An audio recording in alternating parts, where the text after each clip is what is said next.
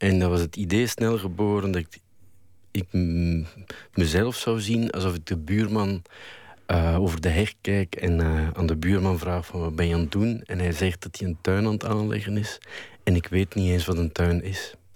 En ik stel alles in vraag en hij zegt nu dat hij er een, weet ik veel, een hok met uh, dieren neergezet heeft. Maar ik weet niet eens wat dieren zijn. En op die manier ben ik met de schepping omgegaan alsof ik zelf alles zag gebeuren, alsof ik er zelf bij was.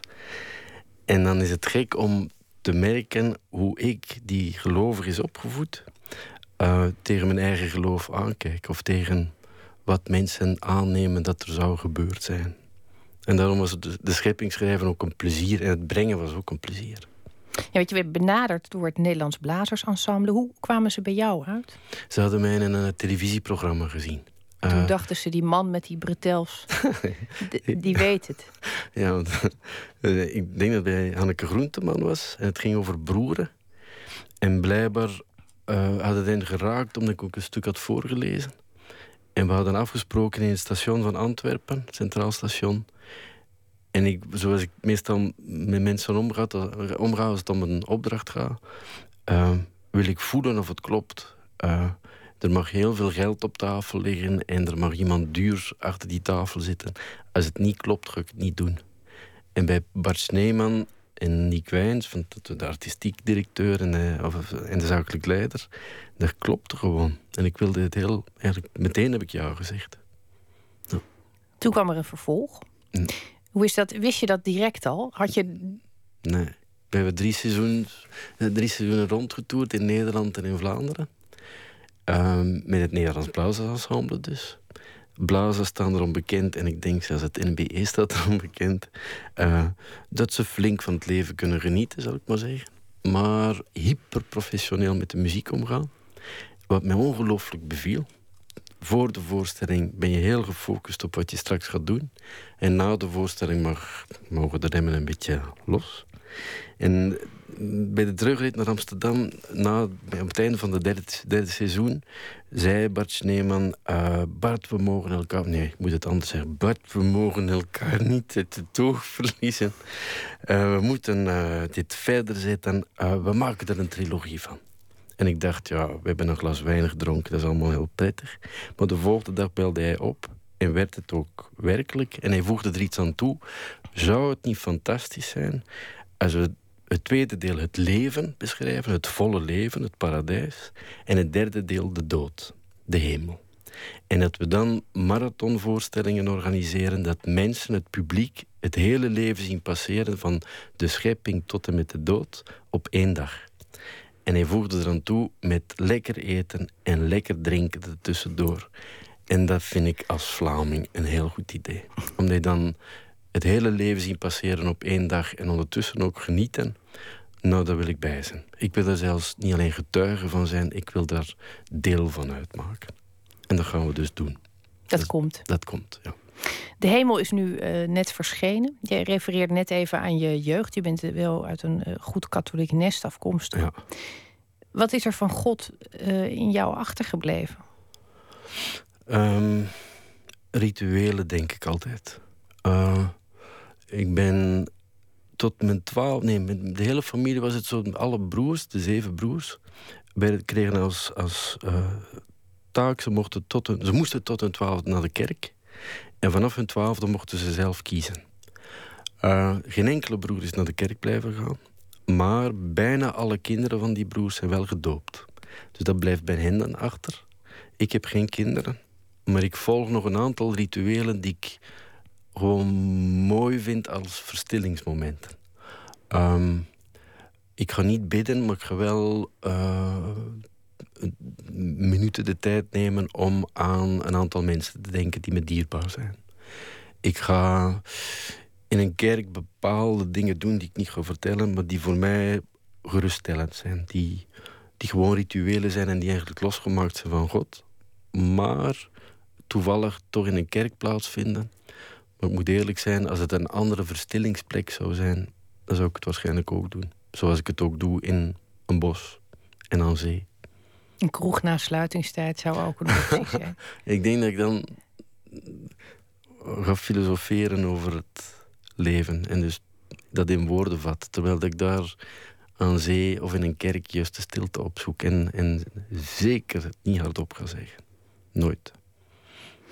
In de, de Hemel, het boek wat je net voltooid hebt, het laatste deel van de trilogie, dat gaat over de dood, zoals je zei. Het gaat ook over iemand die, uh, je noemt het net zelf, uh, een laatste keer naar zee wil. Ik herinner me dat wij uh, elkaar ergens vorig jaar rond deze tijd zaten wij in Zuid-Afrika, toevallig samen op een festival. En ik herinner me dat het, was natuurlijk geen eh, ontzettend veilige omgeving. Uh, best een hoop eh, bedreigingen van buitenaf. En er wordt ook altijd gewaarschuwd van nou niet gekke dingen doen. Zeker in het openbaar vervoer. Maar jij, ik zei ja, dat is mijn beeld dus van jou. Vandaar die bretels die ik steeds maar noem. Je, je, je bent net, net over de 50 heen. En toch was je echt een, daar een tenger jongetje met bretels. en dat stapte in de trein om naar de zee te gaan. Terwijl iedereen zei: pas op hoor, want overal zijn boeven. En jij stapte in die trein en je ging naar zee. En dat is niet roekeloos, maar dat is wel. Ik wil het wel gezien hebben. Ik wil ook niet op voorhand bang zijn. Het was de tweede keer of de derde keer dat ik in Zuid-Afrika was. En dan doe ik een aantal dingen heel bewust, of heel bewust niet. Maar ik wist dat ik naar Kaapstad ging. En ik wist welk, welk, wat die reis inhield. En ik ga niet onbezonnen door de stad banjeren op, op onveilige plekken. Tenminste, of onveilige plekken worden genoemd. Maar ik heb het altijd in me gehad en dat is er nog steeds. En soms heb ik dat echt onderdrukt, omdat ik dan dacht... voor mijn eigen gemoedsrust of voor mijn eigen rust, zeg maar... Uh, het gevaar niet opzoeken, het volle leven niet opzoeken. Maar ik ben gewoon nieuwsgierig. Ik wil Ehm, ook in de donkerste discotheek geweest zijn. En met een donkere bedoel ik waar de meeste mensen niet komen. Uh, ik wil ook de lelijke kant van de mens zien. Omdat ik die, niet alleen omdat ik die interessant vind, maar omdat ik dan denk, ja, is goed. Zo zijn we. Uh, ik heb een. Nee, een hekel is een te sterk woord, maar ik vind het altijd jammer als mensen hun. Uh, hun behoeftes of hun, hun doel of wat ze absoluut willen in het leven onderdrukken omdat de buren zullen commentaar leveren. Ik word er een beetje, zeker nu ik voor bij de vijftig ben, ik, ik, ik wil in het volle leven staan. Uh, ik zit over de helft, dus ik heb geen tijd te verliezen. Is jouw relatie met de dood ook uh, anders nu je 50 bent? Het wordt vaak genoemd als een kantelpunt, als een moment waarop je gaat beseffen. Voor heel veel mensen die de 50 bereiken, is, dat een, is jouw relatie met de dood anders dan die vroeger was? Uh, ja, heel zeker wel. Uh, mijn vader is erg ziek. Ehm, mijn vader is 88. En ik vind dat een. Dat is een niet alleen een belangrijk moment, natuurlijk is dat een belangrijk moment, maar ik, ik ga er anders mee om dan vroeger. Het is niet de eerste keer dat hij ernstig ziek is. Maar toen al heb ik, weet ik veel waar dat vandaan kwam, beslist van ik mag straks geen spijt hebben over dingen die ik niet gezegd heb of niet gedaan heb. Dus reed ik van Antwerpen naar Brugge, waar hij in het ziekenhuis lag, om de zoveel dagen niet omdat het moest of omdat het de, plicht van de zoon was, maar gewoon omdat ik dit wilde ik. En ik kon ook op een rare manier er heel rustig mee omgaan. En ook nu is het zo dat ik. Uh, dat, het, weet ik veel hoe ik dat moet uitdrukken, dat er heel veel liefdevol zit van. Dit is mijn vader en. Uh, er is een generatie opgeschoven, of er zal een generatie opschuiven. En uh, soms, nee, je, je, mag dat misschien niet hardop zeggen, maar eigenlijk vind ik dat ook wel mooi. Uh, door, door de hemel uit te voeren met het, met het blazersensemble. We hebben nu een, een zestal voorstellingen gehad. Ik kan. Nee, toen ik het schreef, de laatste pagina's, dat was een crisisnacht. Uh, maar echt een, zo'n helse nacht waar je achteraf van denkt van... ik moest mezelf uitwringen als een spons. Die mij huilen en mij uitstellen en mij... mij alsof, ja, nee. Oh, je kunt het bijna niet, omdat het heel veel jeuk en alle. Oh, ik kan dat niet beschrijven. Heel heftig. Ehm, en als ik het, toen ik het op het podium deed met het, met het ensemble, ik ga terug in dat verhaal. Ik voel hoe mensen erop reageren, hoe ze reflecteren over wat zij van de dood denken, of wat zij over de hoofdpersoon denken, of hoe zij in zijn kop zitten. En ik kan het niet. Uh, ik, ik ben kloek, ik ben sterk. Ik breng het tot het laatste punt. Ik, ik loop af, want zo is het afgesproken. En uh, in de coulissen is het mij iedere keer overkomen dat ik snotter als een kind, dat te snotter als een kind. En ik vind dat verschrikkelijk van mezelf. Omdat het eigenlijk niet ik heb altijd geleerd dat dan, dan, dan ben je niet goed bezig. Als verteller ben je niet goed bezig. Want dan, dan ben je te veel met je eigen emoties bezig en dat is niet sterk. Terwijl ik er nu eigenlijk wel achter ben van... Maar ik ben die man, als ik dat vertel. Ik ben het niet aan het spelen. Ik ben ook niet Bart op dat moment.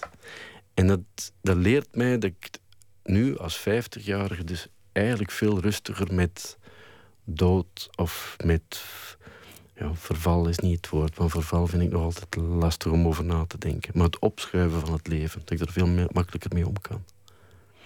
En de tranen komen als je van het podium af bent. Als je in de coulissen bent, je zou dat ook kunnen zien als die professionaliteit. Die, die weet je vol te houden tot het moment dat, het, dat je buiten beeld raakt. Nee, ik, ik vind het altijd een gevoel alsof ik, dat ik in, in de plaats van een aantal mensen aan het huilen ben. En niet meteen de mensen die in de zaal zitten, misschien wel. Maar alsof ik plaatsvervangend verdriet aan het beleven ben. En ik ach, de mensheid die gaat dood. Ha, ha, ha, en snotter, snotter. Ik vind dat nooit mijn eigen verdriet op een of andere manier. Raar.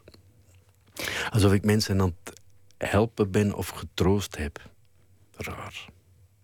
Het komt misschien ook door de muziek. Ehm, de dialoog, de, de tekst en de muziek, dat is natuurlijk heel anders werken dan de eenzaamheid van het verhalen vertellen, wat je uiteindelijk toch alleen moet. En nu is de muziek vormt ook een stem. Eh, we hebben een kort fragment, daar gaan we even naar luisteren. Dan hebben mensen ook een beeld waar we het over hebben. Ja. Dat was niet slim. Een gedachte kan kloek lijken, maar in werkelijkheid is het dunner nog dan lucht.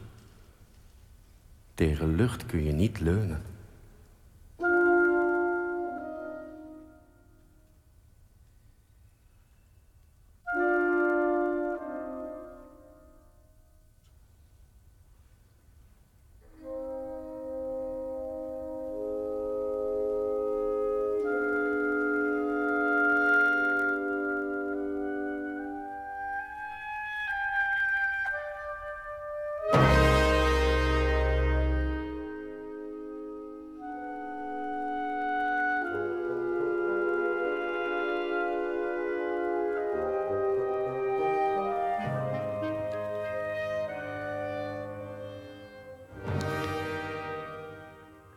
Luister jij deze muziek uh, tijdens het schrijven? Is het al iets waar je mee bezig bent als je werkt? Moet het apart? Moet apart. Ik kan ook geen lawaai verdragen of geen muziek verdragen.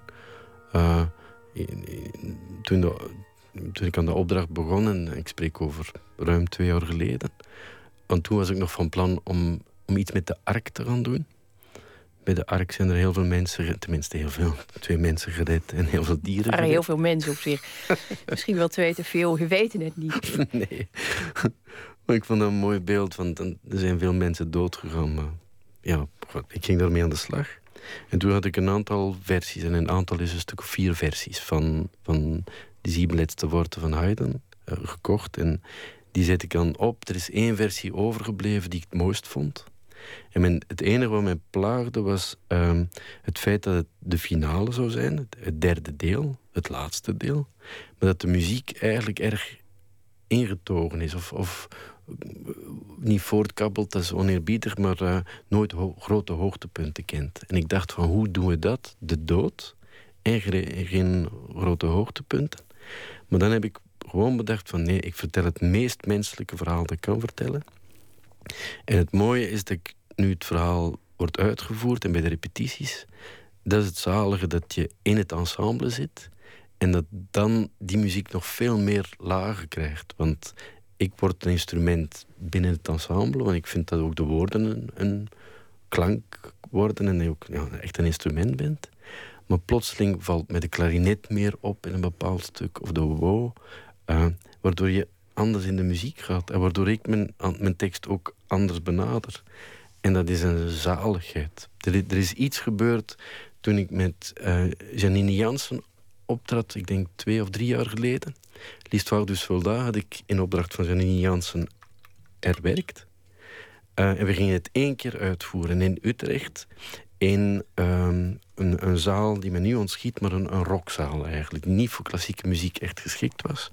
Waar de plastic bekertjes op de grond uh, kletsen en, en, je hoort die uh, echo van hier tot gunder. En dat was voor mij de bevrijding. Want ik kom aan in, in die zaal. En iemand van de radio zegt van... nou, je zult het goed moeten doen, want het is live. En dat wist ik op voorhand niet. Dus ik, ik stond onder puur gefocust. En daar heb ik afgeleerd van dat de perfectie zo belangrijk was. Uh, dit is nu. Janine Jansen is geweldig. En ik ben nu een ander instrument dat me samen met haar iets gaat doen. Een, een ensemble trouwens. En dat heeft mij echt een, een veel rijkdom opgeleverd. Er is zo'n een, een zen-wijsheid dat 80% is de perfectie. Je gaat altijd voor 100%, maar 80% is de perfectie. En dat is zo uh, bevrijdend. Als ik dus nu de hemel uitvoer, natuurlijk ga ik voor de beste voorstelling. En natuurlijk ga je voor het beste verhaal. Maar je, je koppelt iets los dat het ook een beetje fout mag gaan. Dat je niet constant moet denken van... oh, mijn, mijn A was niet zuiver. Laat die maar onzuiver zijn, dat is goed. Er is over het vorige deel, het paradijs... is ehm, wel discussie ontstaan of het nog een kinderboek is. dat is bij dit deel... Ik, ik weet niet, is dat bij dit deel eigenlijk ook ontstaan? Die discussie opnieuw? Ja, iemand is, heeft, is er terug over begonnen. Er is altijd iemand hè, die erover begint. Het is nu 12 plus, heet het. Ja. Is het, eh, ik, ik, ik moet eerlijk zeggen, ik, ik, ik heb het gelezen um, met ook die gedachte in mijn achterhoofd. Of ik het mijn, mijn kinderen zou voorlezen. Ik, heb, ik, ik zie daar helemaal geen enkel probleem. Dit is ook... Ik ook niet. Waar zit hem dat toch in? Dat, dat, is dat een aanname dat kinderboeken iets moeten zijn... wat, wat volwassenen volgens mij lang vergeten zijn? Maar kinderen hebben toch allerlei zwarte randjes en besef en dreigingen. Die zitten helemaal niet zo in een vrolijke... Ik, ik, ik ben er tamelijk simpel in. Als het, als het over het paradijs gaat, dan, dan heb je het over een volwassen man en een volwassen vrouw die met elkaar omgaan in het paradijs. Adam en Eva, maar ze worden niet zo genoemd. Ze moeten gewoon in, aan hun relatie werken. Natuurlijk zijn kinderen er niet op diezelfde manier mee bezig, het zal wel. Maar dan ben ik wel bezig met die systemen. Hoe je probeert met je, je vriendje of vriendinnetje te spelen. Die man probeert de vrouw ook op te vrolijken en verzint een spelletje. Is het daarom leesbaarder voor kinderen? Ja. Is het daarom te begrijpen voor kinderen? dat weet ik niet. Ik ga ervan uit dat ook in de hemel eh, gaat het om een oudere man. Kun je jezelf vereenzelvigen met een oudere man als je tien bent? Ik denk het wel, want die oude man heeft het over zijn twee katten en heeft het over eenzaamheid. En het spijt me wel, je denkt toch niet dat kinderen uh, altijd door een bloemetjesweide huppelen en, en, en vrolijk naar de blauwe lucht kijken. Denk aan hoe je zelf was toen je tien was en toen je het over, over, over het donkerste van het donker nadacht en het heelal, hoe groot dat wel was. Besef nog eens van hoe bang je toen wel was of hoe eenzaam je ervan werd. En dat maakt me, ik kan me er heel erg druk over maken, omdat heel veel volwassenen vergeten wat er met hen gebeurd is vroeger. Ik geef altijd het, het meest heldere voorbeeld, vind ik. ik. Ik denk dat ik acht of, of negen was. En Cria Cuervos van Carlos Saura was op de televisie. Op een uur dat ik lag te kijken. Er was voor de rest wat broers waren boven. Ik keek alleen, zo herinner ik het me. Cria Cuervos gaat over een meisje in een gezin van vrouwen. In de tijd van Franco in Spanje. Ik wist die achtergrond helemaal niet. Het enige wat ik wist, dat het meisje zich verveelde, uh, een beetje rondhing in het huis, af en toe een liedje beluisterde dat, ik een mooi liedje vond. En ik koppelde dat terug op mijn eigen leven. Ik ben een jongetje in een, een gezin van, van mannen. En ik zet ook wel eens een liedje op. Heb ik iets van die film begrepen? Nee, maar ik heb wel gekeken. Dus je weet toch dat je als tienjarige dingen ontdekt. En het spijt me wel, je weet toch ook dat je als 42-jarige of als 88-jarige ook nog dingen plotseling inziet van God. Nu heb ik de, ah, dit, dit was toch voor mij, nu begrijp ik het beter. Dus die hele, die hele discussie, natuurlijk is het niet voor alle kinderen. Maar er zijn wel een aantal kinderen die er gewoon zullen instappen. En trouwens, als je een trilogie begint, kun je moeilijk het eerste deel bij de kinderboekenafdeling van Querido laten verschijnen. En dan plotseling bedenken van oei, het is dan toch niet helemaal voor kinderen. Dan doen we de, de twee andere delen maar bij de 40-plus afdeling van diezelfde uitgeverij. Dat is toch onzin. Een trilogie hou je bij elkaar en je hoopt dat de recensent meedenkt met hoe je zelf iets uitbouwt. En sommige recensenten doen dat en sommige niet. Dat is goed. Ik vind wel dat het een van jouw grote uh, talenten en, en, en, en eigenzinnige trekjes is. Eigenlijk in al je werk komt dat terug. Vind ik de vanzelfsprekendheid waarmee jij terugstapt in die wereld. Hm. Uh, als ik jouw boeken lees, of het nou voor jeugd of voor volwassenen, alles ertussenin ook. Ik vind het onvoorstelbaar dat je daar zo makkelijk in terugkeert. Het is echt alsof je precies weer weet hoe het voelt om zes of zeven te zijn en op een muurtje te zitten. En... Ja. Hoe kom je daar? Ik, zou het willen verklaren, maar ik moet het aan mijn eigen psycholoog vragen. Ik denk dat ik heel intens, nee, dat, zo, verklaar ik het voor mezelf, dat ik zo intens heb geleefd voor mijn twaalfde. En zo open en echt. Ik, ik ben echt een gelukkig kind geweest, zo herinner ik het me. Uh, met ook die achtkant, maar evengoed een, een kind dat gretig in het leven stond. En vanaf mijn twaalfde zijn de dingen gekeerd. Zeker in mijn puberteit tot mijn achttiende ben ik behoorlijk eenzaam en zeg maar uh, ongelukkig geweest. Maar door net op die momenten naar binnen te keren, heb ik die, alles wat ik geleerd had of wat ik in de wereld had gezien, vertaald en, en proberen te begrijpen en proberen te vatten. En het heeft mij jaren gekost, en dan spreek ik tot mijn, weet ik veel, 35ste, voor ik snapte hoe het leven ook alweer ging. Uh, dat je moet durven je mond open te trekken en durven te vertellen wat je vindt. Anders ontmoet je niemand. Anders blijf je in je eentje. Je moet het systeem van de cafétoog begrijpen, waar mensen zeggen: hoe gaat het goed? En als je dan een dieper gesprek wil, moet je misschien drie pinten extra drinken. En dan zul je tot, het gaat eigenlijk niet zo goed komen. En misschien ook niet. Maar dat systeem snapte ik echt heel lang niet. En ik denk dat mijn, mijn grondstem eigenlijk nog altijd dezelfde is van voor mijn twaalfde. Uh, en dat is niet makkelijk om daar naar terug te gaan, maar ik denk dat iedereen heeft die grondstem. Maar je moet die ingang durven te winnen of hebben. Maar ik denk dat je die eigenlijk gewoon hebt. Misschien moeten we daar allemaal naar op zoek. Jouw, uh, jouw laatste dag wil je dan naar zee, als je dat van tevoren mocht weten? Hm. Is het een goed einde om aan zee te liggen? En... Ja, ik, ik heb een heel belangrijke zomer gehad, zo twee, twee jaar geleden. Heb ik me teruggetrokken aan zee. en nu zal iedereen weten waar het was. Tenminste, in Vlaanderen zullen ze het weten. Er staat één wolkenkrabber aan de kust, in, aan de Vlaamse kust. Die wolkenkrabber is, weet ik veel, 33 verdiepingen hoog. Dat is het enige groot hoge gebouw. En ik zat op het 32e of het 31ste. En ik kon over de horizon heen kijken. En ik heb daar um, een, een, boek afgemaakt, een verhaal afgemaakt. Wat voor mij heel belangrijk was. En ik denk dat ik daar ook ontdekt heb van de rust die de zee geeft en de kleurverandering, dat dat toch de plek is wat heel erg op de hemel lijkt. Hm. Bart Moejaar, dank je wel. Alsjeblieft. En op de valreep, voordat het nieuws begint, ga ik nog even vermelden dat we een paar vrijkaarten mogen weggeven voor de komende editie van het Das Magazine Festival. Bij de leesclub van onze eigen Pieter van der Wielen. Wil je kans maken op zo'n vrijkaart? Stuur dan een mailtje naar nooitmeerslapen.vpro.nl. Straks, na het nieuws van 1 uur, zijn we er weer.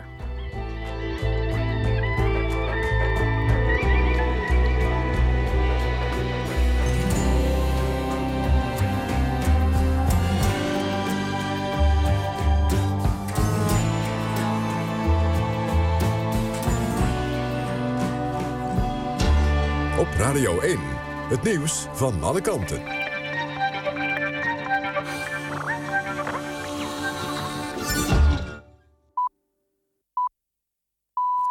1 uur, Ewout de Jong met het NOS-journaal.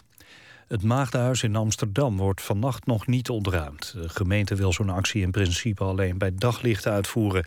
Tenzij de veiligheid in het geding komt... zullen de studenten in ieder geval tot de komende dag blijven zitten. De rechter heeft bepaald dat de bezetters uit het universiteitsgebouw mogen worden gehaald. De studenten willen pas na het weekend uit het Maagdenhuis. Duitsland haalt 100 tanks terug in actieve dienst. De Leopard 2-tanks werden vier jaar geleden afgedankt... maar de Duitse regering komt nu van die beslissing terug. In februari besloten de NAVO-ministers om een snelle interventiemacht op te richten... en meer militairen achter de hand te houden... vanwege de Russische bemoeienissen in Oekraïne. Volgens het ministerie van Defensie wil Duitsland zeker weten... dat het troepen met het juiste materieel snel kan inzetten. Met de 100 oude zijn er nu in Duitsland bijna 330 tanks in actieve dienst. Op het Thaise eiland Koh Samui zijn zeven mensen gewond geraakt door een autobom. De explosieven gingen af in de parkeergarage van een winkelcentrum. De bom lag in een gestolen pick-up truck. Een brand die rond dezelfde tijd woedde in een warenhuis in de buurt... is volgens Thaise autoriteiten ook ontstaan door explosieven.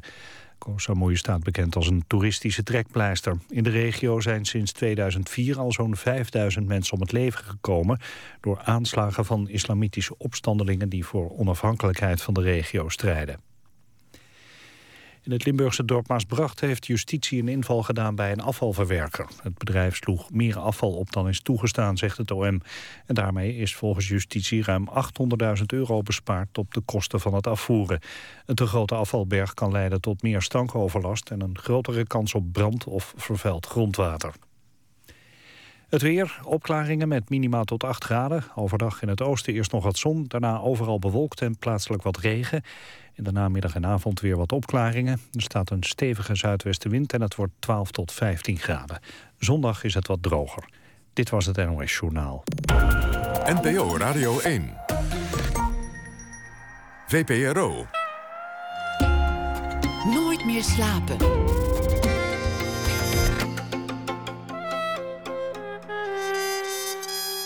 Met Esther Naomi Perquin. Goedenacht en welkom terug bij Nooit meer slapen.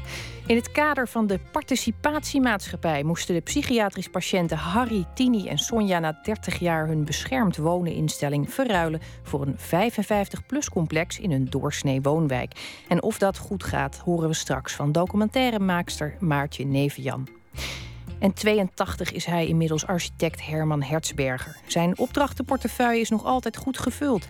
Zijn grootste faam dankt hij aan zijn ideeën over scholen, theaters en kantoren waarin mensen zich thuis moeten voelen. Van Hertzberger is nu een vuistdikke monografie verschenen. En wij zochten hem op tijdens kantoortijd. Maar we beginnen dit uur weer met een beschouwing bij het nieuws. Een opdracht die deze week wordt uitgevoerd door schrijver Thijs de Boer. Hij publiceerde verhalen in verschillende literaire tijdschriften en debuteerde in 2010 met de bundel Vogels die vlees eten.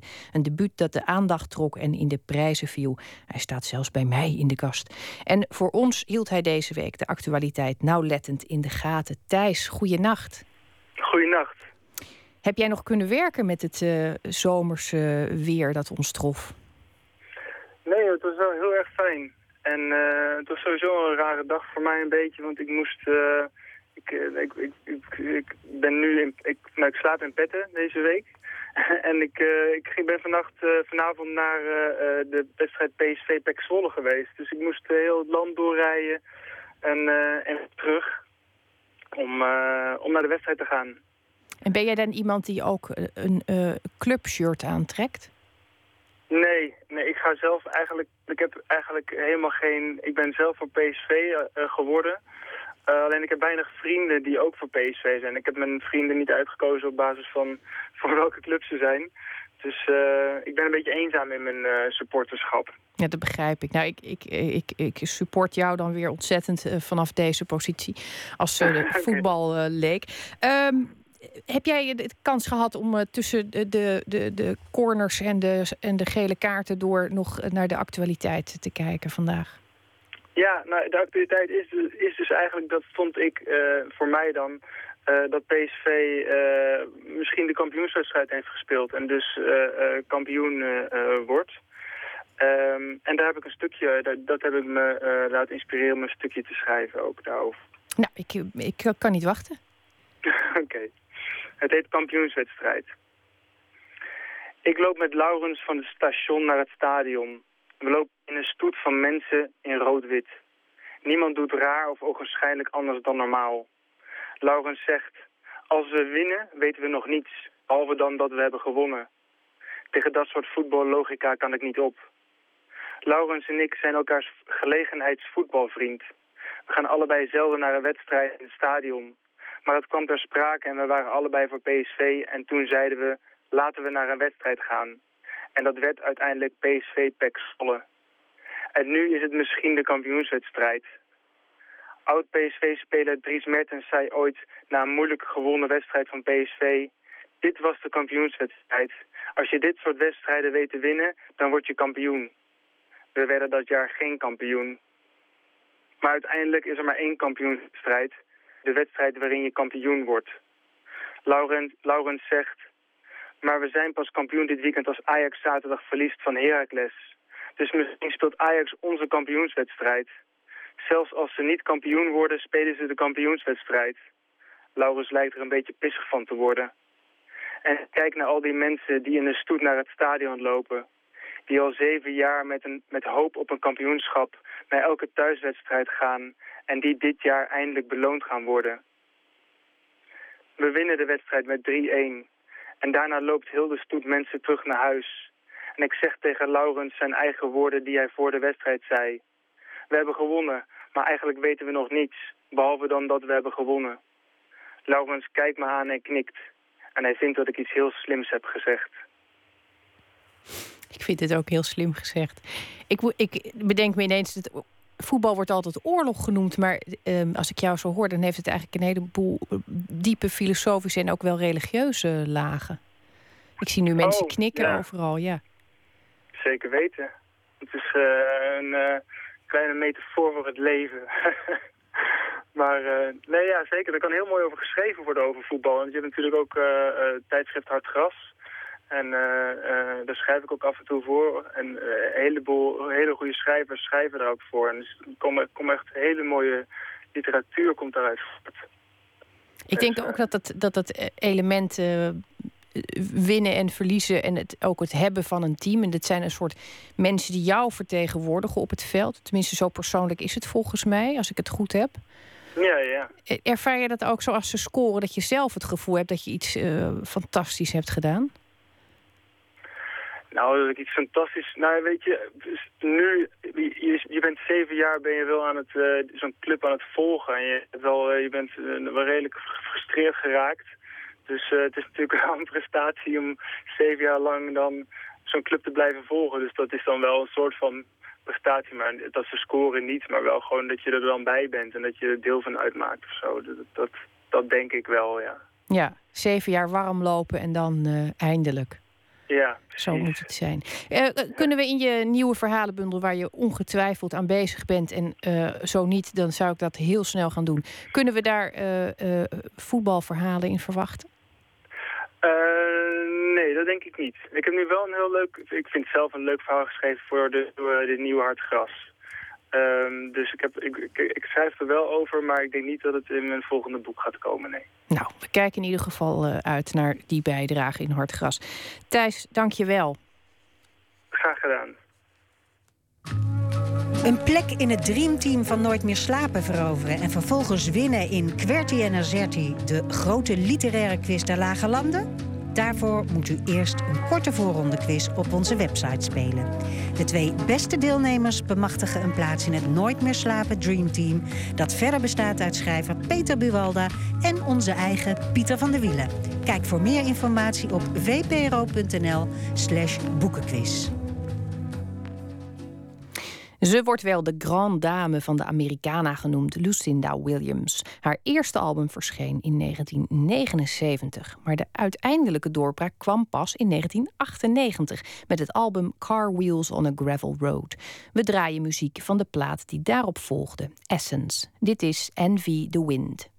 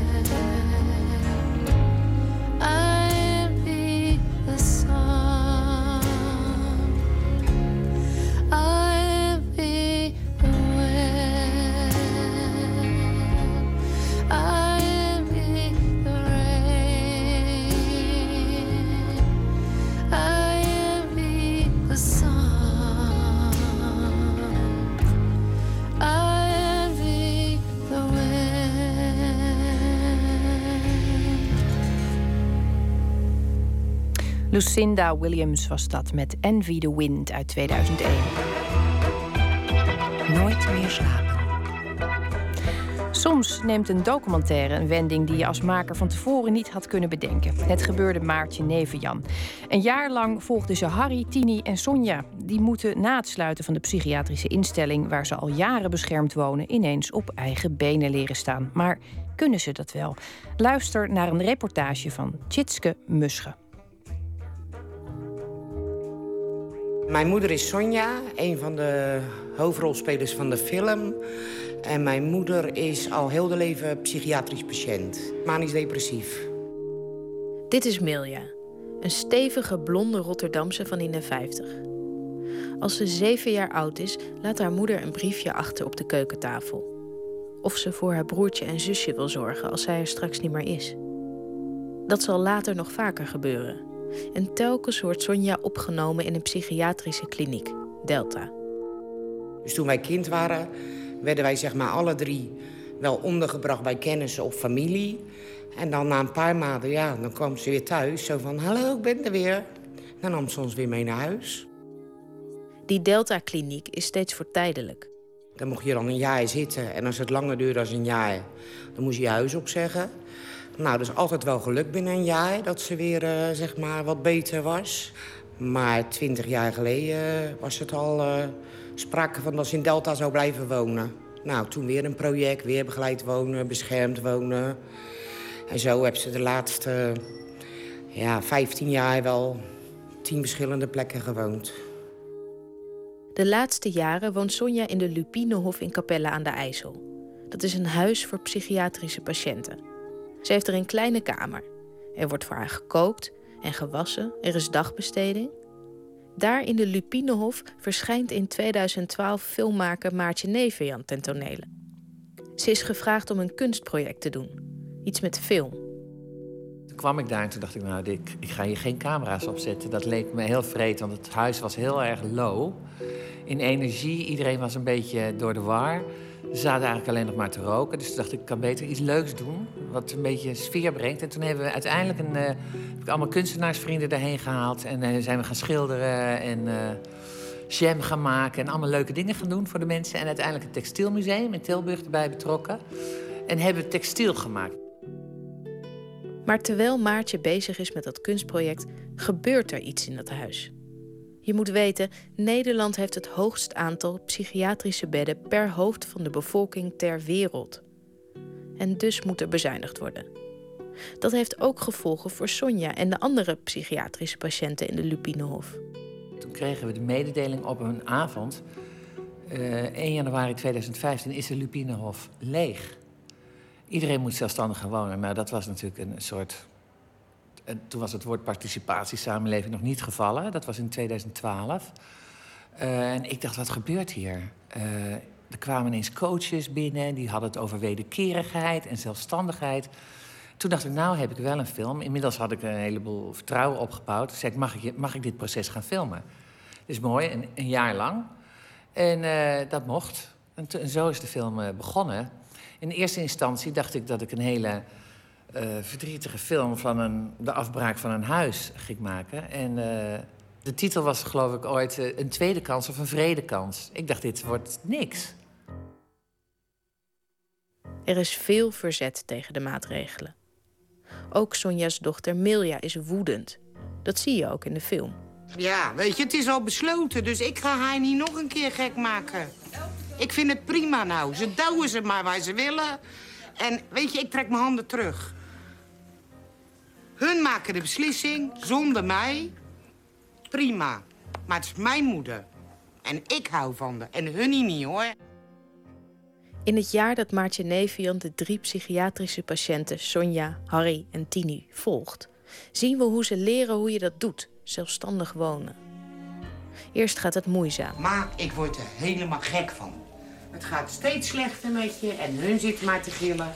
Sonja kan dit, Sonja kan dat, Sonja kan zus, Sonja kan zo. En ik zeg, Sonja kan het niet en ze hebben gewoon scheid aan me hier. Dat zelf koken en zo, dat gaat allemaal niet werken. Want je kan nou niet eens alleen doen. Ja, omdat ik, een, ik ben niet, niet bij mijn volle verstand, maar... Je bent wel bij je volle verstand, ma. Ja, maar ik ken het wel niet zo. Ja, ik zie, als ik, als ik er zo ga, dan ga jij gelijk harder tegen me praten. Ja, maar dat komt omdat ik er zo moe van word. Dat begrijp ik wel, schatje, maar luister nou ook eens naar mij. Maar ik, luister ook steeds naar jou. Maar gedurende het jaar blijkt dat het ze eigenlijk heel goed afgaat. Tini, Harry en Sonja hebben alle drie een ruime woning in een flat, niet ver van elkaar. Ze maken schoon, koken eten, doen de was. Dat hebben ze allemaal jaren niet gedaan. Dat is toch eigenlijk idioot? We hebben eigenlijk de mensen de afgelopen 40 jaar de maatschappij uitverzorgd. Steeds mooiere huizen, nog meer begeleiding. Ze hoeft er niets meer te doen. En dat is niet goed voor mensen. Dan gaan ze totaal hospitaliseren en ze deden echt niks. Dan zei je, kun je niet meer koken? En dan zei iemand, ja, we kunnen wel koken, maar daar hebben we ons mensen voor. Toen dacht ik, hmm, dat is best wel raar. Of iemand zei, uh, het gaat hier zo achteruit, ik moet nu tegenwoordig zelf mijn bed opmaken. En toen dacht ik, oké, dus er is ook iets aan de hand dat deze mensen totaal afhankelijk gemaakt zijn. En dat zie je dus nu ook, nu ze veel meer zelf moeten doen, dat het eigenlijk heel goed is. En dat verbaast ook Maartje Nevian. In eerste instantie dacht ik, uh, dat is vreed. Dat kunnen ze niet. En tot mijn uh, verbijstering eigenlijk tijdens het filmen bleek dat het eigenlijk ontzettend goed was. Emilia, de dochter van Sonja, wat denkt die daarvan? Boven verwachtingen. Echt zo goed. Ze hebben het huisje helemaal op orde. We hebben alles voor de nieuw gekocht, alles naar de zin.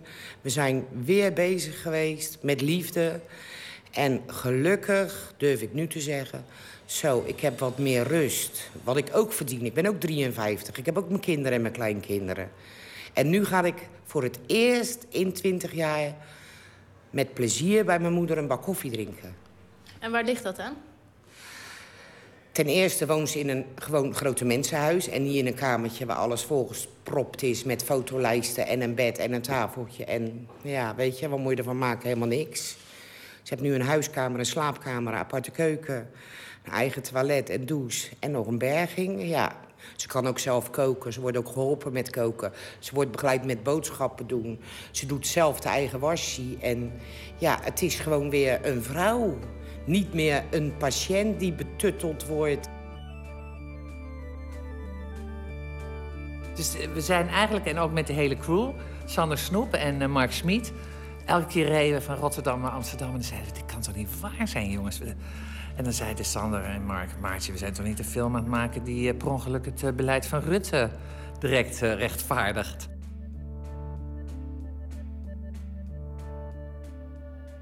Maar natuurlijk moet er ook weer niet te vroeg gejaagd worden.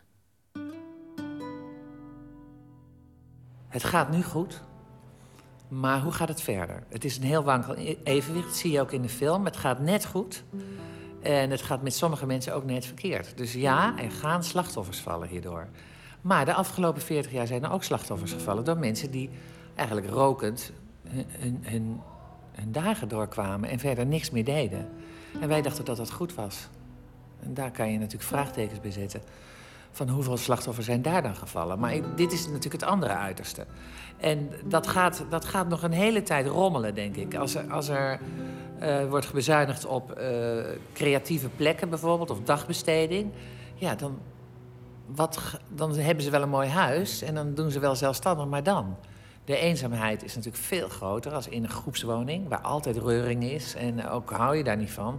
Er zijn altijd wel mensen. Nu hebben ze een eigen voordeur, maar die gaat ook dicht. Hoop ook dat het zo blijft.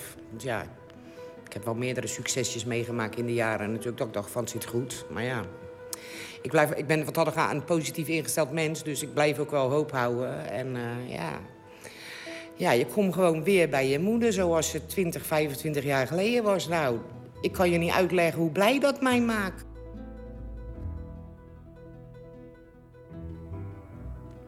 De documentaire Harry, Tini en Sonja na 30 jaar zorg op eigen benen wordt aanstaande maandag om half negen uitgezonden op NPO 2. Een bijdrage was dit van Tjitske Musche. Darling Arithmetic is de titel van het nieuwe album van de Ierse singer-songwriter Conor O'Brien, beter bekend als Villagers. Een van de nummers die daarop staat is Hot Scary Summer.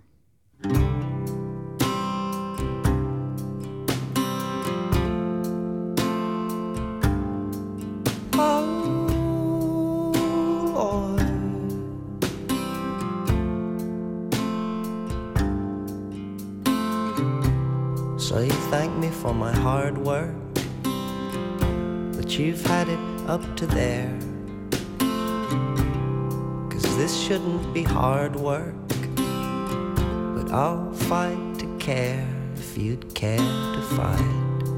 Thank you for your hard work, but I've had it up to here. Cause this shouldn't be hard work, least not that makes us half a person, half a monster, stuck together in this hot, scary summer.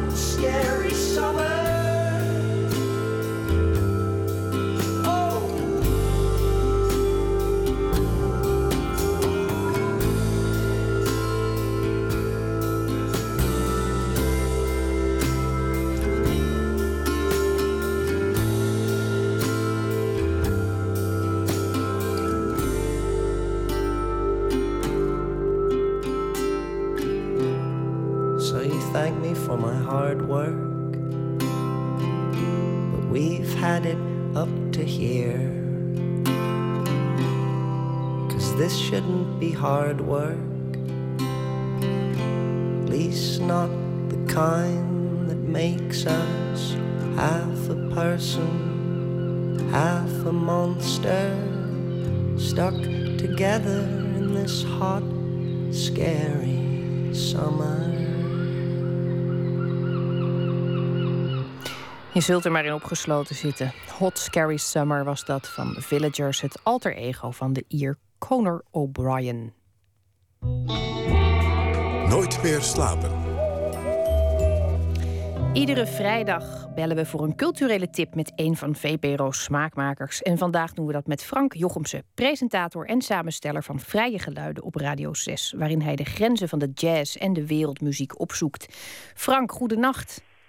Goedenacht. Ik heb mij laten vertellen dat jij, uh, ondanks het uh, fantastische lenteweer, uh, deze dagen heel veel in de jaarbeurs zit in Utrecht. En daar wordt een, ja, het is echt enorm, zag ik op de foto's, de mega platen- en cd-beurs gehouden. En dat is een van de grootste ter wereld. Er komen duizenden mensen op af. Um, en er schijnen daar ook mensen tussen te zitten die echt op zoek zijn naar één plaat. Ja, zal. ik word mezelf niet toe. Ik ben, uh, ja, ik, ik, dat kun je aan de buitenkant natuurlijk niet zien. Maar ik heb een hoop van dat soort uh, maloten vandaag uh, voorbij zien komen. Het is eigenlijk dan op, op vrijdag altijd nog handelaarsdag. Maar ik help twee vrienden van mij en ik loop daar dan ook altijd wat rond. Het is eigenlijk, moet ik je heel eerlijk bekennen, meer een een, een soort excuus om toch zelf weer heel veel platen te willen opstapelen. Want als je eenmaal behept bent met die ziekte van, van het verzamelen, zou ik maar zeggen. En ook nog in de jazz, dat is echt, nou, dat gaat over duizenden platen dan op een gegeven moment. Dus ja, je, je scharrelt wat rond en zoiets. Maar het is eigenlijk, je moet je voorstellen, een hele grauwe, nare, betonnen, grijze, lelijke, typisch Hollandse hal die helemaal volgepakt staat met steentjes, uh, marktkraampjes zonder, zonder kapjes erop, zou ik maar zeggen. Maar dan helemaal afgeladen met bakken met platen. En eigenlijk is het vreselijk. Het is verschrikkelijk, want er is veel te veel. Je wordt er helemaal niet lekker van. Maar ja, het is een soort van uh, traditie en het heeft ook wel iets gezelligs. En nou ja, je ziet er ook een, eh, een hoop... Uh, je, ziet de idioterie daar wel heel erg aan de oppervlakte komen, zou ik maar zeggen. Ja, wat, hoe moet ik me dat publiek voorstellen? Ik las ergens de term crate diggers. Dat vond ik heel boeiend. Het zijn dus mensen die echt in die kratten staan te graven. Is er een archetypische platenbeursbezoeker te schetsen? Ja, wat ik, wat ik zelf, ja, dat zie je, zou je misschien gek vinden, want dan gaat hij, gaat toch weer een beetje pruttelen, uh, die Jochemse dan. Maar ik vind het, ik vind het een groot, uh, heel, heel, heel raar type mens. Want ze zijn eigenlijk over het algemeen groot misverstand. Namelijk niet met muziek bezig, lijkt het wel. Ja, uiteindelijk wel. Maar er wordt ontzettend geluld over edities van platen, uh, verschillende persingen uit jaartallen. Het is eigenlijk een beetje postzegelhandel. En dat gedonder, dat hoor je de hele dag, weet je wel. Het gaat, uh, het gaat de hele tijd, het gaat ook soms wel echt wat te veel, naar mijn zin, over geld. Maar gelukkig kun je toch ook wel het zijn ook handelaren die, eh, die het echt uit liefde doen. Nou ja, natuurlijk ook wel om hun brood te verdienen. Maar ja, weet je, het is, uh, het, is, het is een raar soort mengelmoes van een postzegelverzamelaar, postzegelhandelaar... en iemand die dat dan met muziek doet. Heel, heel raar eigenlijk.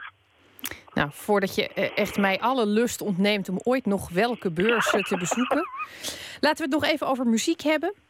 Ja. Deze week is het uh, eh, 100 jaar geleden dat de Amerikaanse jazzzangeres Billie Holiday geboren werd. En wij hebben de afgelopen dagen heel veel kunnen lezen over haar bizarre levensloop met drank en drugs en gesnuif en gespuit en foute mannen. Wat kun je zeggen over haar uh, muzikale erfenis? Dat vind ik nogal wat. Um, daar kan, je, daar kan je namelijk heel veel over zeggen. Je moet je ook voorstellen dat zij in 1959 uh, eh, al is overleden. Dus er is bijna geen tijd meer met Billie Holiday. Weet je, ze is al heel erg lang dood. En haar werk is op, voor een gedeelte althans... Vooral de kwalitatief betere opnames, die je dus echt door merg en been snijden, is, is toch wel tijdloos geworden. Dat is sowieso een heel belangrijk iets. Dat kan je dan heel makkelijk zeggen. Maar waarom is dat nou zo? Ik geloof dat, het, um, dat haar manier van zingen... in elk geval vanaf het nummer uh, Strange Fruit... dat is een bekend, uh, eigenlijk een, een, haar eerste eigen hitje. Ze heeft het niet zelf geschreven trouwens. Um, dat haar, haar stukken, haar manier van zingen, haar manier van, van fraseren... haar toonaanzettingen, haar, uh, nou eigenlijk in alles hoe ze dat aanpakte, hoe ze die nummers, die teksten bracht en die melodie, dat dat zo ontzettend intens is, maar niet op een manier dat je helemaal omvergeblazen wordt, weet je wel. Zoals je tegenwoordig een hoop uh, zangers en zangeressen ziet die, die, die op, een, op een technisch perfecte manier heel erg indruk proberen te maken, is dit echt heel erg emotioneel. Het is ook niet altijd mooi, hè, strikt te noemen. Het, is ook, het schuurt heel erg.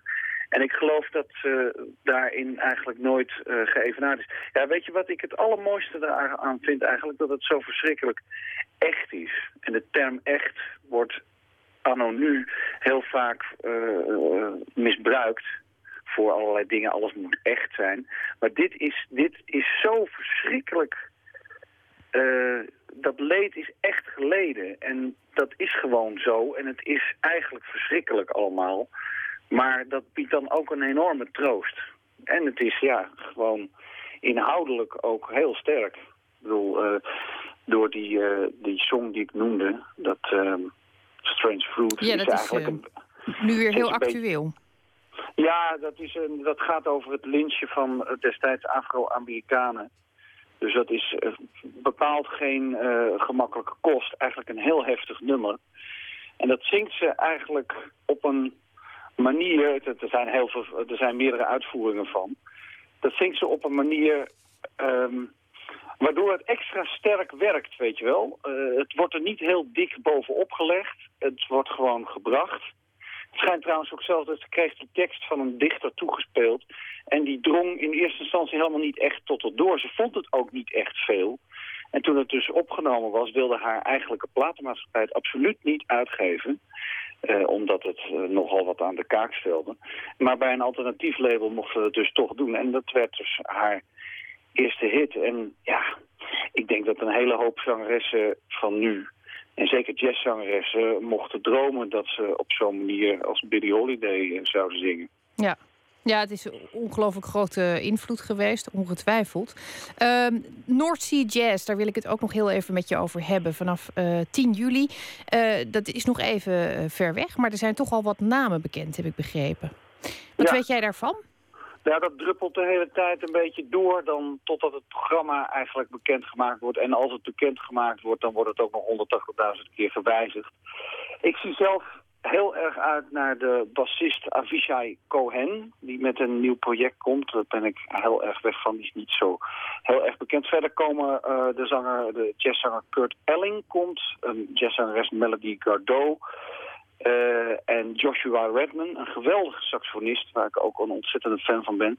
En mijn grote pianoheld Herbie Hancock gaat voor het eerst sinds jaren weer samen optreden met een andere fantastische pianist. Die heet Chick Corea, om zomaar eens eventjes wat namen uh, de, de, de eter in te flikkeren. En wat ook wel heel erg leuk is, dat die zanger uh, Benjamin Clementine... Die wat, daar is vorig jaar een heel raar verhaal. Die kwam dus uit Parijs met de trein.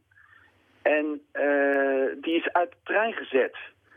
Uh, toen hij nog lang niet in Rotterdam was. Bij Roosendaal zelfs. Bij Roosendaal was het, ja, inderdaad. En daar is hij uh, de trein uitgedonderd. omdat hij geen kaartje had. Hij had ook helemaal niks bij zich. Dus hij gaan lopen naar Rotterdam. En ja, natuurlijk niet op tijd gekomen voor zijn optreden dat geboekt was. En geloof ik bij Dordrecht of zo is hij boven water gekomen. Dat was ook best wel weer eventjes een relletje op Noordzee. En uh, dus ze geven hem dit jaar heel erg terecht een herkansing. Dat is prachtig. Nou, daar kijken we uh, met z'n allen naar uit. En voor wie meer wil weten over de besproken onderwerpen, die kan terecht op vpro.nl/slash vrije geluiden.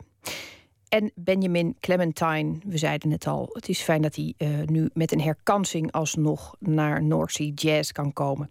En van hem draaien we het prachtige Nemesis.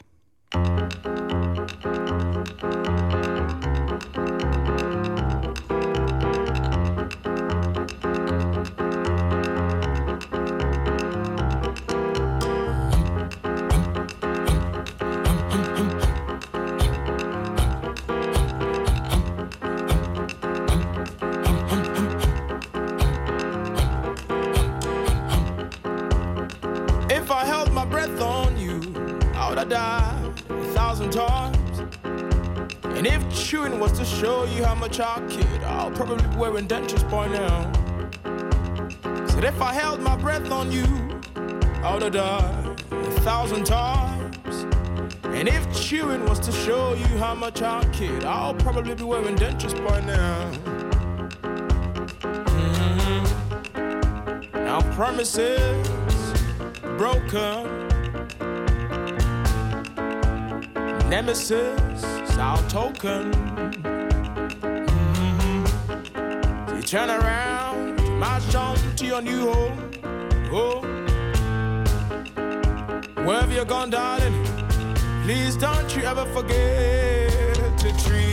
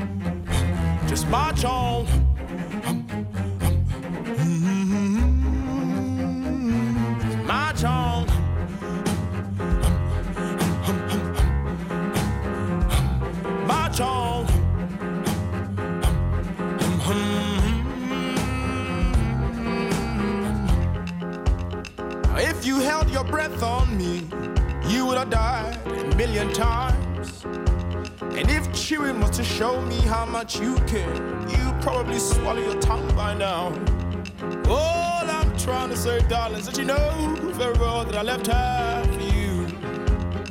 I guess you're doing the same old, same thing to me now. Mhm. Now these days, Hennessy dries my veins as our Genesis smiles back at me. Now heresy might be a new faith, faith. Whatever you've chosen to believe in, darling, don't you ever forget to treat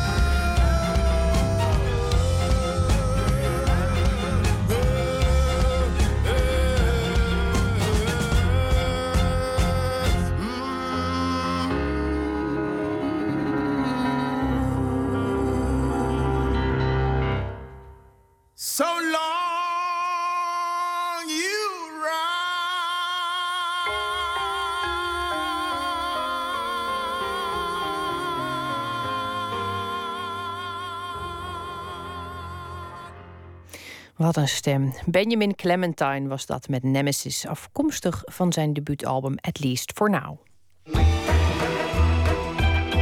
Nooit meer slapen. Architect Herman Hertzberger werd door zijn collega's uitgeroepen tot de beste in het vak.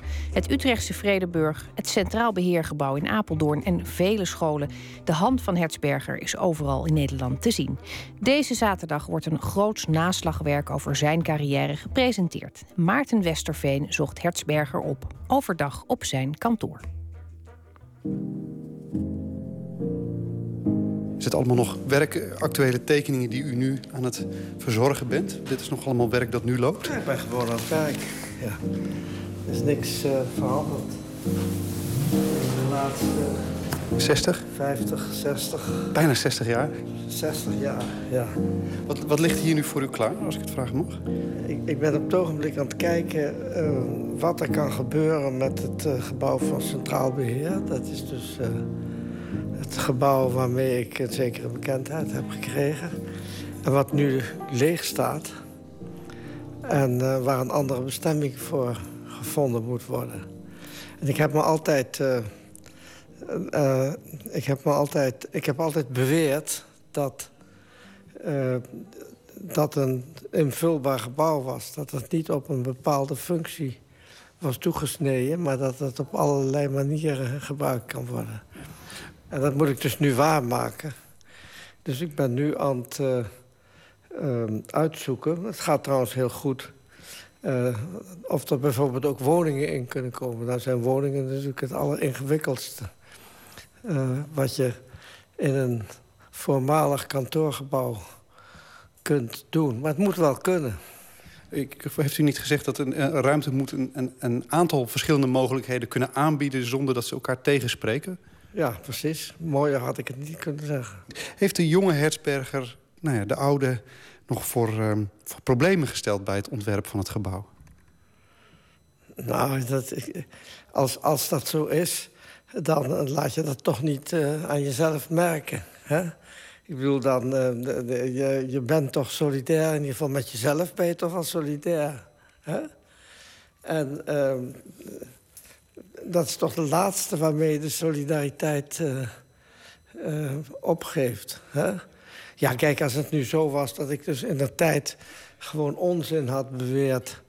en, dan moet ik dat nu natuurlijk bekennen. Hè? Ja, het is te laat nu eigenlijk.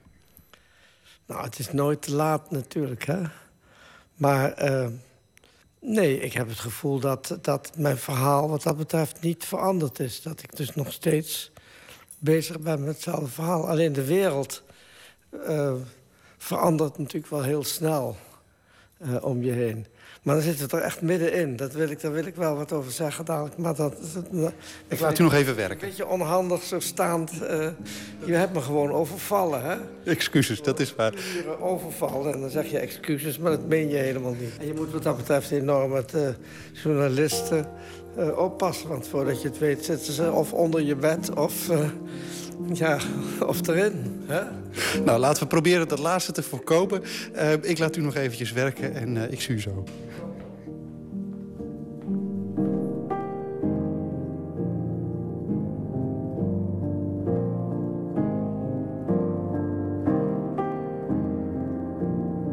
Hoe belangrijk is empathie voor u in uw werk?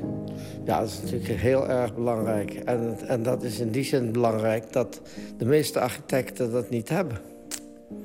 Dat is dus precies wat er ontbreekt aan architecten. Architecten hebben in het algemeen een beetje, als ik het heel erg uh, extreem uitdruk, een beetje smetvrees. Die, die zijn een beetje bang voor mensen en die blijven, zijn bang dat ze, ik weet niet, dat ze geïnfecteerd worden of zo. Dus die zijn altijd zeer afstandelijk bezig. En dat is dus mijn, dat is eigenlijk mijn thema, om dus dichter bij de mensen te staan. En dat klinkt natuurlijk ongelooflijk uh, tuttig als je dat zo zegt.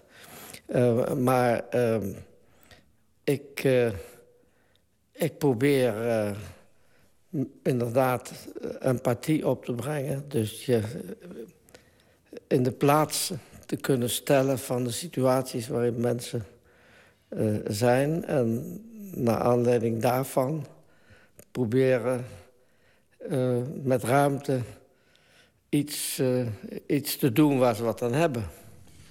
Een architect is geen kunstenaar. Dat is een groot misverstand.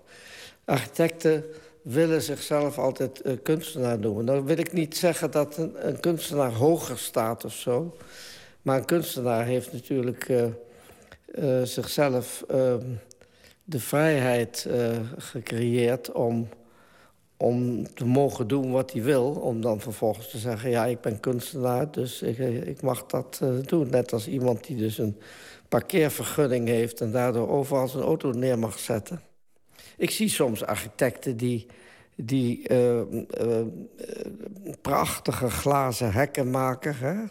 Zo'n stuk glas tegenwoordig. Die techniek van die, van die glasplaten is zo dat je, die, dat je gewoon een, een, een balustrade kunt maken. Gewoon puur van een stuk glas. En het is natuurlijk esthetisch gezien is dat best interessant.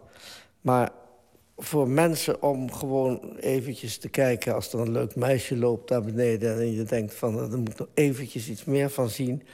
dan zit je met je handen op een stuk scherp glas. Dat zal niet in je handen snijden, want dat hebben ze keurig gepolijst.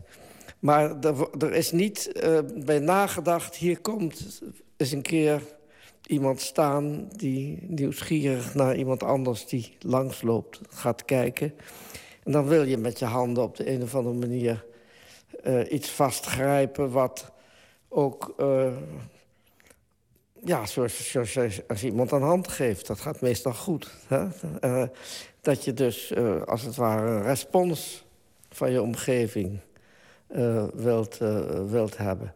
En dat is nou een heel klein detail wat ik nu noem. Een ander detail wat even klein is en wat er een beetje aan verwant is is een trapleuning waar je dus... Uh, dat je, uh, als je in het donker, of ja, je hebt ook blinden... maar laten we zeggen in het donker... Het begin van de trapleuning zoekt... dan, ja, als je gewoon zo'n zo zo stuk ijzer wat daar gewoon eindigt... dan kan dat bij wijze van spreken in je mouw komen. Of, of ja, dat is niet vriendelijk voor je. Hè? Maar ik probeer dan dus zo'n zo trapleuning uh, zo om te buigen dat hij je als het ware je hand geleidt. Hè? Dat vinden mijn collega's allemaal onzin. Hè? En uh, ja, ik bedoel, uh, zo van moet dat nou echt? Dat is weer duurder. En dan, dan ga je weer afwijken van de standaard. En moet er weer een smid komen die dat weer rondzet. ja, dat vind ik belangrijk. Hè? En dat soort dingen vind ik belangrijk. Dat de omgeving uh, jou tegemoet komt.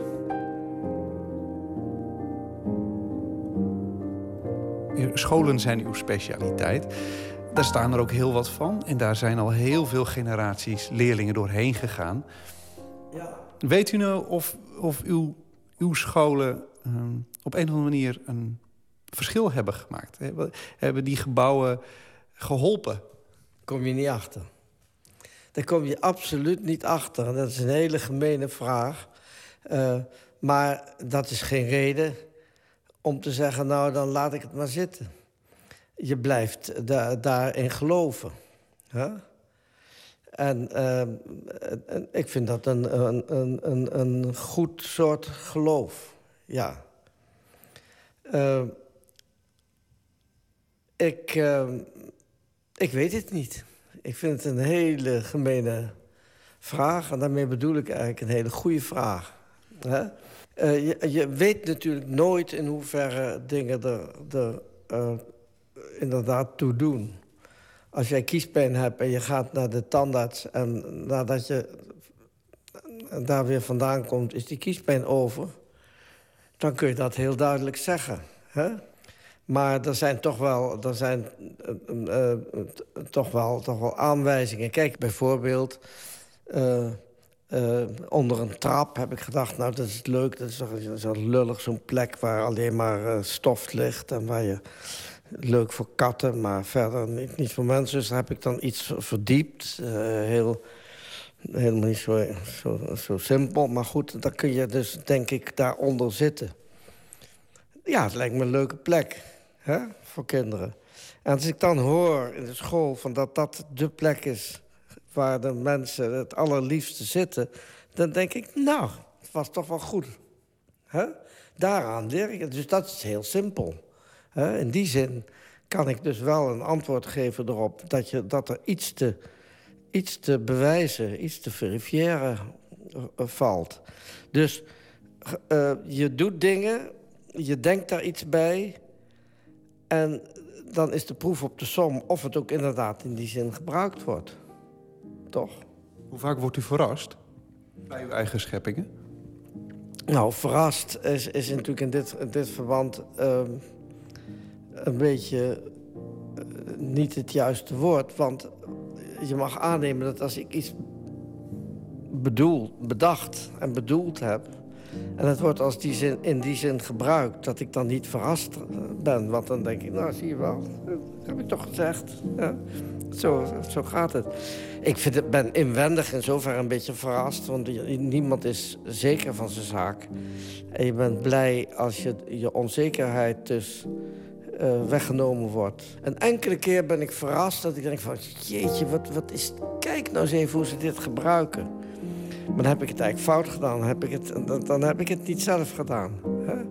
Dus uh, ik, wil, ik wil helemaal niet verrast worden. Ik wil gewoon bevestigd worden. U hoorde Maarten Westerveen in gesprek met architect Herman Hertzberger. De monografie over zijn werk wordt uitgegeven door uitgeverij 010.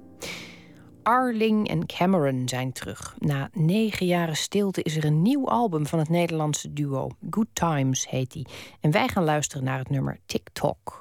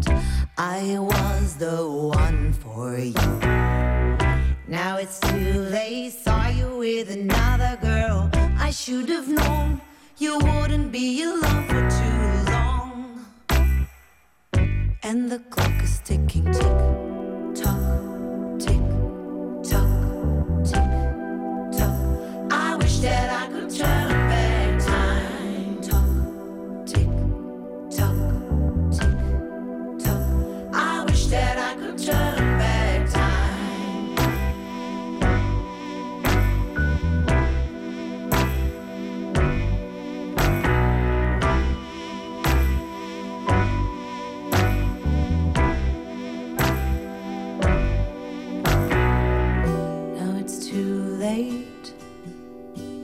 Saw you with another girl. I should have known.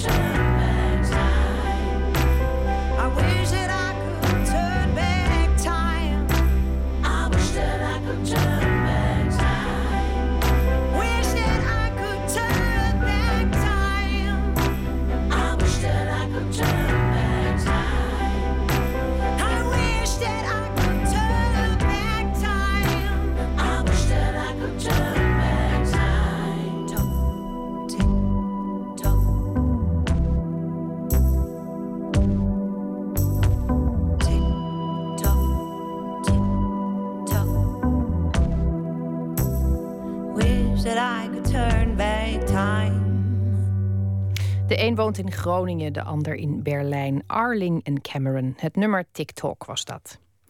En we zijn toegekomen aan dichter Alexis de Rode, die deze week een selectie favoriete gedichten voorleest. Hij sluit de week af met een gedicht van Vazalis.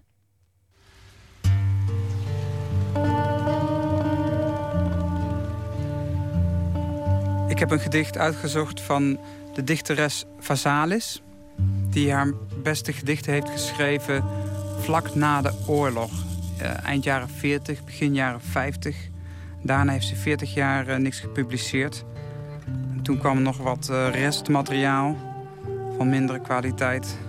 Maar ze is een ondergewaardeerde di dichteres. Ze is door de 50ers helemaal kapot gemaakt. Volkomen ten onrechte. Haar bundels worden ook tot op de dag van vandaag heel veel gekocht.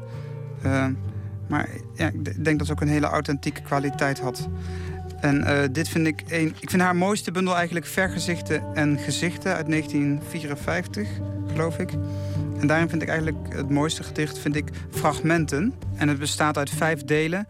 En het beschrijft een wandeling van een vrouw die kennelijk is gekwetst of een of ander trauma heeft of iets moet verwerken uh, over het strand en door de duinen.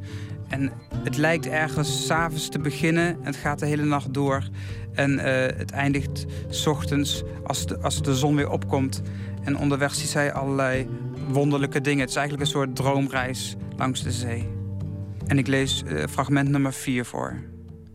Dit is het volgende dat ze op haar zwerftocht vond. Een bloot gevoel dat zich de voeten wonde, maar niet kon vliegen van de kale grond.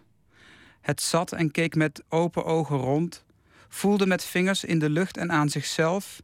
Het snoof. Maar toen zij vroeg of het wat drinken wilde, schudde het nee en hield de mond stijf dicht en rilde.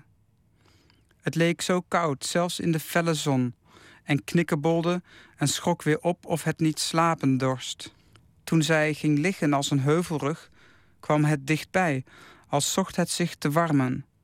Het drong zich snel tussen haar armen, het scheurde met zijn nageltjes haar borst en dronk haar bloed, en het bekleedde zich met rood. Toen het voor het eerst zijn ogen sloot, bleef zijn gestilde mond wat openstaan.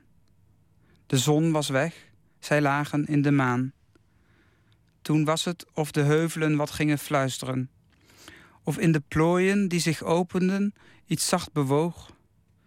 De lucht werd nevelig, de sterren minder hoog. De grond, de harde als een koortshuid droog, sloeg uit en zweette geurend. En een zoute wind krulde de droge haren van het slapend kind. U hoorde Alexis de Rode met een gedicht van Vasalis. En volgende week hoort u de vijf favoriete gedichten van Marjolein van Hemestra. En ik vertel nog iets over maandag. Dan komt Barry Smit langs. Van hem verscheen een tweede roman, Tahrir, waarin de hoofdpersoon gegrepen wordt door het optimisme van de Arabische lente. Straks kunt u luisteren naar Woord, met daarin aandacht voor sprookjes. Ik wens u voor nu een sprookjesachtige nacht toe.